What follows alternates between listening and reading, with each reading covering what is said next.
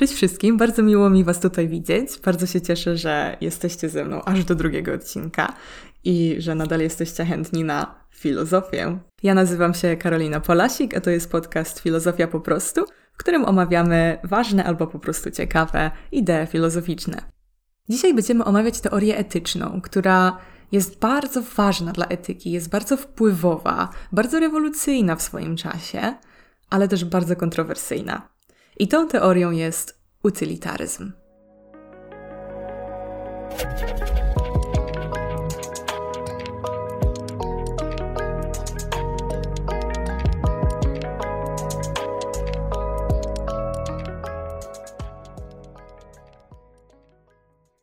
Utylitaryzm to jest taka teoria, która, której bardzo zależy na szczęściu ludzkości. To, jest głównym celem moralności według utylitaryzmu szczęście ludzkości jako całej. A czyn moralny to taki czyn, który wytwarza jak najwięcej dobra dla jak największej ilości osób. I co to dokładnie znaczy i dlaczego coś tak szlachetnie brzmiącego jak walka o szczęście ludzkości e, może budzić kontrowersje? Żeby to zrozumieć, porozmawiamy sobie teraz w szczegółach o dwóch, chciałam powiedzieć dwóch człowiekach, o dwóch ludziach, a są nimi Jeremy Bentham i John Stuart Mill. Naszym pierwszym przyjacielem, o którym będziemy mówić, jest przyjaciel Jeremy, Jeremy Bentham, który żył na przełomie XVIII i XIX wieku i uznawany jest za ojca utylitaryzmu. To znaczy on pierwszy wyszedł z uporządkowaną teorią, którą dziś znamy jako utylitaryzm. I wiem w ogóle, że powinno mówić Bentham, żebyśmy, żeby nam się utrwaliło nazwisko, ale jakoś tak mnie kusi, żeby mówić Jeremy. No ale dobra, Bentham. Więc Bentham mówił tak. Ludźmi rządzą dwie siły: przyjemność i ból.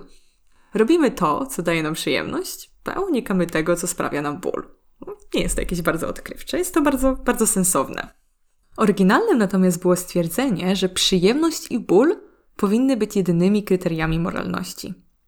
A więc czyn moralny to taki czyn, który produkuje przyjemność, a czyn niemoralny to taki czyn, który produkuje ból. A to, co produkuje nam przyjemność, jest dla nas użyteczne. I stąd właśnie nazwa utylitaryzm, od angielskiego słowa utility, czyli użyteczność. I chcę z góry przeprosić za to, że mówię produkować przyjemność i produkować ból. Brzmi to bardzo dziwnie, jest to bardzo brzydka kalka z angielskiego. Ale właściwie ona trochę pasuje, e, ponieważ utylitaryzm ma bardzo praktyczne, bardzo matematyczne podejście do moralności i zaraz się o tym wszyscy przekonamy i zobaczycie, że to jednak trochę pasuje, nawet jeżeli brzmi bardzo dziwnie. No ale jedziemy dalej. To właśnie takie rozumowanie doprowadziło Benfama do stworzenia zasady użyteczności. I zasada użyteczności polega na tym, że każde prawo, moralne czy państwowe, powinno być tak skonstruowane, by być jak najbardziej użytecznym. Użyteczna zasada wytwarza jak najwięcej dobra, to znaczy wytwarza jak najwięcej przyjemności przy jak najmniejszej ilości cierpienia. Zasada zła to taka, która wytwarza cierpienie bez przyjemności. No dobra, no to po powiedzmy, że szukamy tej, tej zasady, która wytwarza jak najwięcej przyjemności. Jaka to zasada? Na jakiej podstawie ją wybieramy? No więc Bentham ma tutaj dla Was bardzo przydatne matematyczne narzędzie, które nazywa się rachunkiem szczęśliwości. I rachunek szczęśliwości to nic innego jak pewnego rodzaju algorytm, e, który mierzy się na podstawie następujących zmiennych. Intensywność, czyli jak intensywna, jak silna jest przyjemność lub ból. Czas trwania, czyli jak długo ta przyjemność lub ból trwa. Prawdopodobieństwo, a więc na ile jest prawdopodobne, że zaistnieje. Bliskość, a więc jak szybko nadejdzie ta przyjemność lub ból Produktywność, a więc czy przyjemność to będzie rodzić dalszą przyjemność, a ból więcej bólu. Czystość, i nie jest to taka czystość na zasadzie brak seksu czy coś w tym stylu, tylko e, chodzi o to, ile jest czystej przyjemności, a ile czystego bólu. No i zasięg, czyli na ile osób ta przyjemność lub ból się rozciąga. Jakby ile na tym korzysta, a ile na tym cierpi. I oczywiście jest tych kategorii bardzo dużo i ciężko je tak spamiętać, zwłaszcza ze słuchu, jak ktoś takie po prostu sobie wymienia ale chciałam je tutaj wszystkie wymienić, żebyście zobaczyli, e, jak dokładne to wszystko jest. E, to znaczy, że naprawdę jest to jak, jakaś taka formuła, według której ktoś stara się mierzyć e, ludzką szczęśliwość, ludzką przyjemność. Więc jest to niesamowicie ciekawe, bardzo ciekawe podejście, natomiast jak pewnie możecie się domyślić, dosyć trudne do zastosowania w praktyce. No ale nasz przyjaciel Benfam nie był głupi i zdawał sobie sprawę z tego, że no jest to trudne, żeby teraz przed każdą decyzją sobie tak stanąć, zatrzymać się i sobie pomyśleć, no dobra, no to bliskość, e, produktywność, e, e, czystość, coś tam, coś tam. No jakby jest to trudne. No i praktycznie niemożliwe. No i Benfam mówi, że tak, no kurczę, przecież nasze życiowe doświadczenie już nam daje bardzo dużą wiedzę o konsekwencjach naszych czynów. Na przykład wiem, że jeżeli kogoś kopnę, to nawet jeżeli będę miała z tego jakąś sadystyczną przyjemność, bo na przykład nie lubię tej osoby, e, no to jej cierpienie będzie o wiele większe niż tam moja trochę żałosna przyjemność. E, więc Ben Wam mówi, no mamy ogromną wiedzę już na temat wielu naszych czynów i to właśnie tą wiedzą powinniśmy się na co dzień kierować. A więc podsumujmy. Według utylitaryzmu najlepsze prawo to takie prawo, którego rezultatem jest największe szczęście jak największej ilości ludzi. I to jest jedyna zasada, jaką kierujemy się w utylitaryzmie. I to jest teraz bardzo ważne. Utylitaryzm jest systemem formalnym, a więc nie mówi, co jest dobre, a co złe, tylko mówi, jak oceniać, co jest dobre, a co złe. Więc żaden czyn nie jest zły albo dobry sam w sobie. Zabijanie nie jest złe samo w sobie. Jest złe, ponieważ powoduje krzywdę. Jest złe ze względu na swoje konsekwencje, ale jeżeli te konsekwencje się zmienią, jeżeli, to znaczy, jeżeli te konsekwencje będą w jakimś przypadku dobre, to według utylitaryzmu zabicie może być dobrym czynem. I to jest właśnie esencja tego, dlaczego utylitaryzm jest dość wyjątkowy i kontrowersyjny. Ale do tego jeszcze dojdziemy. A więc w utylitaryzmie nie patrzymy na rodzaj czynu, tylko patrzymy na jego konsekwencje. I w etyce takie stanowisko nazywa się, a jakże, konsekwencjonalizmem. A więc konsekwencjonalizm to jest takie podejście do etyki, w którym właśnie oceniamy nie czyny, a konsekwencje czynów. I trzeba tutaj zaznaczyć, że rachunek szczęśliwości jest zupełnie obiektywny. Bierzemy pod uwagę całą ludzkość bez wyjątku, łącznie z tobą samym. Twoje szczęście jest tak samo ważne, jak czyjekolwiek inne. I jest to sprzeczne z taką ogólnie panującą w naszej kulturze gloryfikacją poświęcenia. Na przykład, jeżeli ktoś poświęca życie dla kogoś innego, jak Leonardo DiCaprio w Titanicu poświęcił się dla Rose, e, to uważamy to za bardzo moralne i szlachetne ale z punktu widzenia utylitaryzmu jest to zupełnie bez znaczenia. Jedno życie jest tyle samo warte, co inne jedno życie. Nieważne, czy jest twoje, czy czyjekolwiek inne. No chyba, że poświęcamy się dla większego dobra, na przykład dla większej ilości ludzi. Wtedy to już zupełnie inna sprawa. Ale to działa w obie strony. Twoja pozycja nie liczy się mniej, więc odrzucamy altruizm, ale też nie liczy się więcej, jeżeli dobro ludzkości wymaga, abyś działał, działała nie w swoim interesie, to według utylitaryzmu powinnaś tak działać. A więc na przykład możesz kupić sobie nowy telefon, mimo tego, że twój stary działa zupełnie dobrze, ale no po prostu chcesz mieć większy ekran i lepszy aparat. Albo możesz te pieniądze, na przykład 1800 zł, czy ile tam chcesz przeznaczyć, E, możesz te pieniądze przelać na jakąś akcję charytatywną, która zrobi bardzo dużo dobrego dzięki właśnie tej inwestycji. No i teraz ogólne dobro ludzkości wymaga, żebyś jednak przelała czy przelał te pieniądze na akcję charytatywną, no bo powiedzmy głód na świecie, czy jakaś edukacja w krajach rozwijających się jest po prostu no, ważniejsza niż to, żebyś ty miał większy ekran. A więc chcę przez to powiedzieć, że utylitaryzm jest bardzo, bardzo do bólu obiektywny.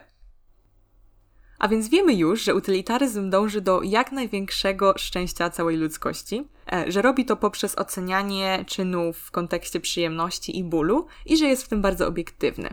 I teraz jest jeszcze jedna rzecz, którą musimy sobie zaznaczyć, że naprawdę liczy się tylko przyjemność i ból. Nie liczy się to, że coś się komuś nie podoba, że ktoś uważa, że nie wiem, pójdzie się za coś do piekła, że coś jest nieczyste. To się w ogóle wszystko nie liczy. Kompletnie. Jakiekolwiek uprzedzenia, których nie jesteśmy w stanie mm, usprawiedliwić pod względem właśnie krzywdy czy generowanej przyjemności, no to się one po prostu nie liczą. I Ben Pham był w tym niezwykle nowoczesny, o wiele bardziej nowoczesny niż wiele ludzi jest dzisiaj.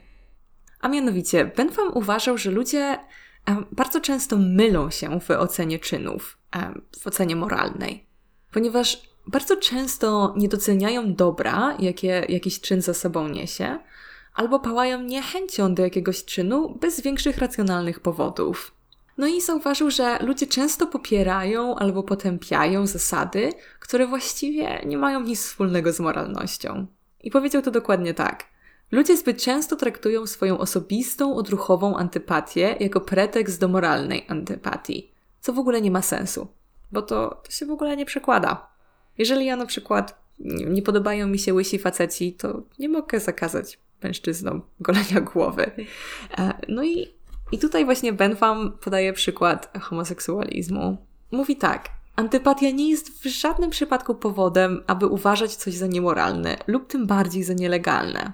Bo kiedy oceniamy moralność, to jedyne co się liczy to konsekwencje czynu, generowana przez niego przyjemność lub cierpienie. Jeżeli coś nie powoduje żadnej krzywdy, a jedynie przyjemność osób zaangażowanych, no to nie ma tutaj niczego niemoralnego. Właściwie moralność nie ma tutaj niczego, no nie ma tutaj czego szukać. W dodatku Bentham uważał, że kiedy wytłumaczy się ludziom, że ich powody antypatii nie mają żadnych rozsądnych no, podstaw, e, to będzie można te antypatie zwalczyć. No i był pod tym względem ogromnym optymistą. Być może dlatego, że nigdy nie dyskutował na Facebooku z żadnym polskim skinheadem. To był, moi drodzy, Jeremy Bentham. A teraz sobie porozmawiamy o naszym drugim przyjacielu tego odcinka, a jest nim John Stuart Mill. I był on wychowankiem Benthama, e, ponieważ ojciec Johna, James Mill, e, był przyjacielem Jeremiego Benthama i oni oboje edukowali i wychowywali Milla tak, aby niósł dziedzictwo utylitaryzmu dalej w świat. I Mill miał bardzo specyficzne wychowanie, które było bardzo, bardzo rygorystyczne. W wieku trzech lat uczył się greki, do lat ośmiu przeczytał już wiele antycznych dzieł w oryginale, w tym dzieła Platona. Jego domowa edukacja obejmowała arytmetykę, algebrę, astronomię, historię, łacinę, logikę i szeroko omawianą ekonomię. I chyba łatwo jest zauważyć, że ojciec Mila był filozofem i ekonomistą z dominującą intencją zrobienia ze swojego syna geniusza. Tak więc nasz przyjaciel John był wychowywany w duchu benfamowskiego utylitaryzmu i miał go kontynuować, rozwijać i promować. I faktycznie Mill utylitarystą został, dlatego o nim tutaj mówimy, ale nie podążał ślepo za Benfamem, tylko wprowadził swoje poprawki i o najważniejszej z nich będziemy rozmawiać teraz. Wszystko, co sobie opowiedzieliśmy o utylitaryzmie w kontekście Benfama, cały czas obowiązuje. Mill to wszystko popierał, ale uważał, że stosowanie przyjemności, tak po prostu przyjemności, jako takiej ogólnej kategorii, jest prymitywne, ponieważ przyjemność nie jest równa przyjemności. Mill mówił tak – Przyjemności nie są równe i nie powinny być oceniane jedynie na ilościowej podstawie. W ocenianiu przyjemności powinniśmy brać pod uwagę nie tylko ilość, ale też jakość. A przyjemności są, według Johna Stewarta Milla, jakościowo różne. Przede wszystkim przyjemności intelektualne są o wiele, wiele ważniejsze i o wiele cenniejsze niż przyjemności fizyczne. Znaczy to mniej więcej tyle, że na przykład czytanie literatury klasycznej jest przyjemnością o wiele cenniejszą i jakościowo lepszą niż, dajmy na to, seks. Jednocześnie Mill przyznaje, że czasem wszyscy ulegamy pokusom i że o ile pamiętamy o wyższości pewnych przyjemności, możemy czasem oddawać się niższym. A więc spokojnie wszyscy, bez paniki, można czytać klasyki literatury i jednocześnie można się kochać. Może niekoniecznie jednocześnie, ale wiecie o co mi chodzi.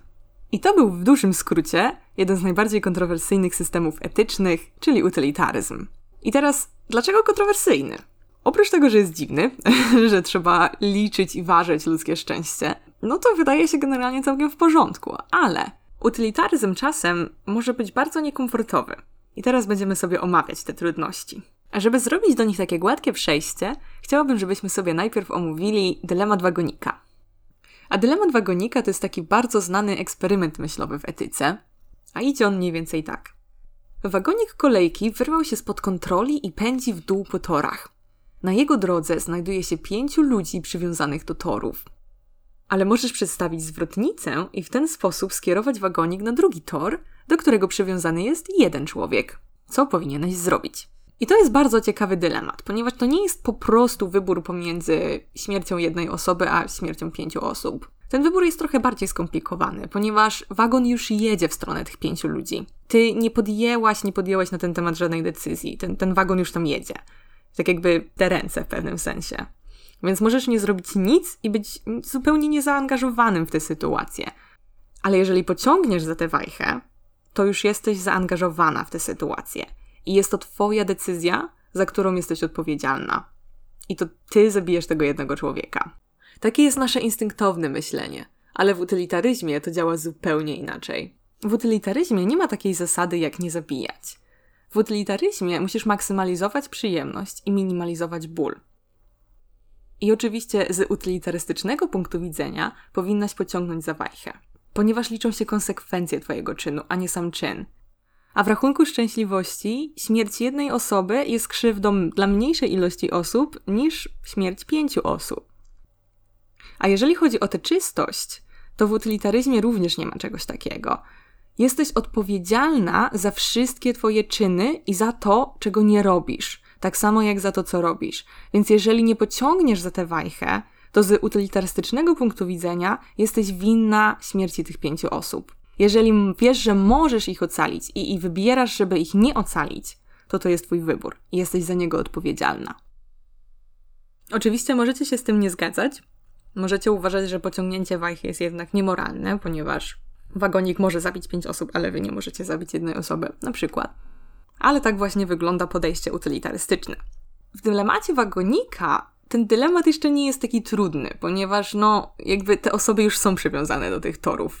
Na to akurat nie mamy tutaj żadnego wpływu. Ale są dylematy etyczne, które są o wiele trudniejsze i w których utylitaryzm każe nam robić rzeczy, które naprawdę, no, takie aż przechodzą nas ciarki na myśl o tym. I teraz sobie omówimy przykład, który będzie trochę jak dylemat wagonika, ale trudniejszy. A mianowicie, wyobraźcie sobie, że jesteście lekarzem albo lekarką, niech będzie feministycznie. Jesteście lekarką i macie pięciu pacjentów, z których każdy z nich potrzebuje przeszczepu jakiegoś innego organu. No i dla tych ludzi niestety tych organów nie ma, oni umrą. I do tej lekarki przychodzi zbłąkany turysta, którego nikt nie zna, nie ma w ogóle paszportu dowodu, właściwie nikt nie wie, że on tam jest. I jakimś cudem ma on pasujące organy dla wszystkich tych pacjentów.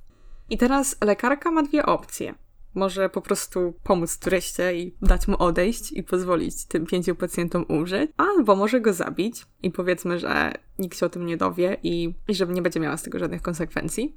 Więc może go zabić i uratować te pięć osób. No i to jest trochę jak dylemat wagonika, ale tym razem no o wiele gorszy, ponieważ my sami wybieramy, aby zabić jakąś jedną niewinną osobę, aby ocalić inne pięć osób. I teraz, czy można to zrobić? Utylitaryzm klasyczny uważa, że powinniśmy tak zrobić, ponieważ życie pięciu osób jest więcej warte niż życie jednej osoby. Rachunek szczęśliwości wydaje werdykt.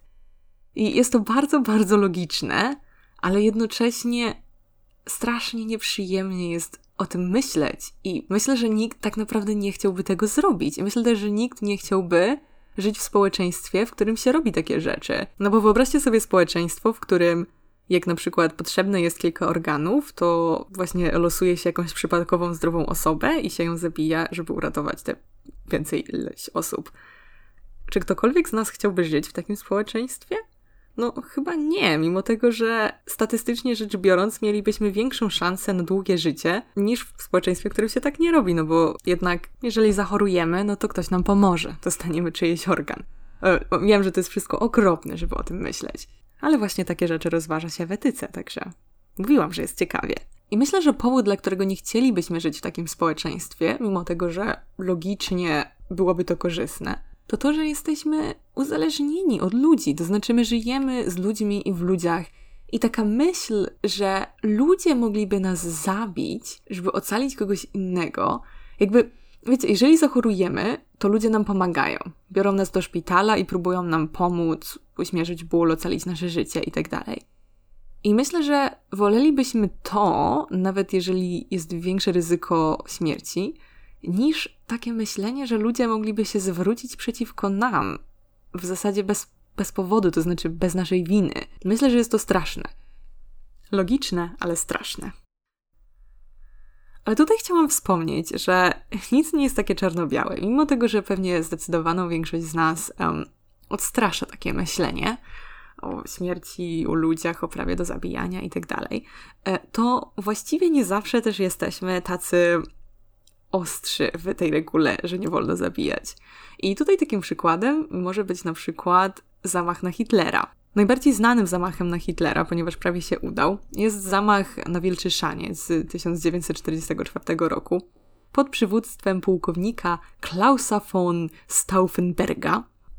Ten zamach nie udał się, ponieważ podłożona bomba wybuchła w pokoju z otwartymi oknami, dzięki czemu wszyscy obecni, łącznie z Hitlerem, przeżyli eksplozję.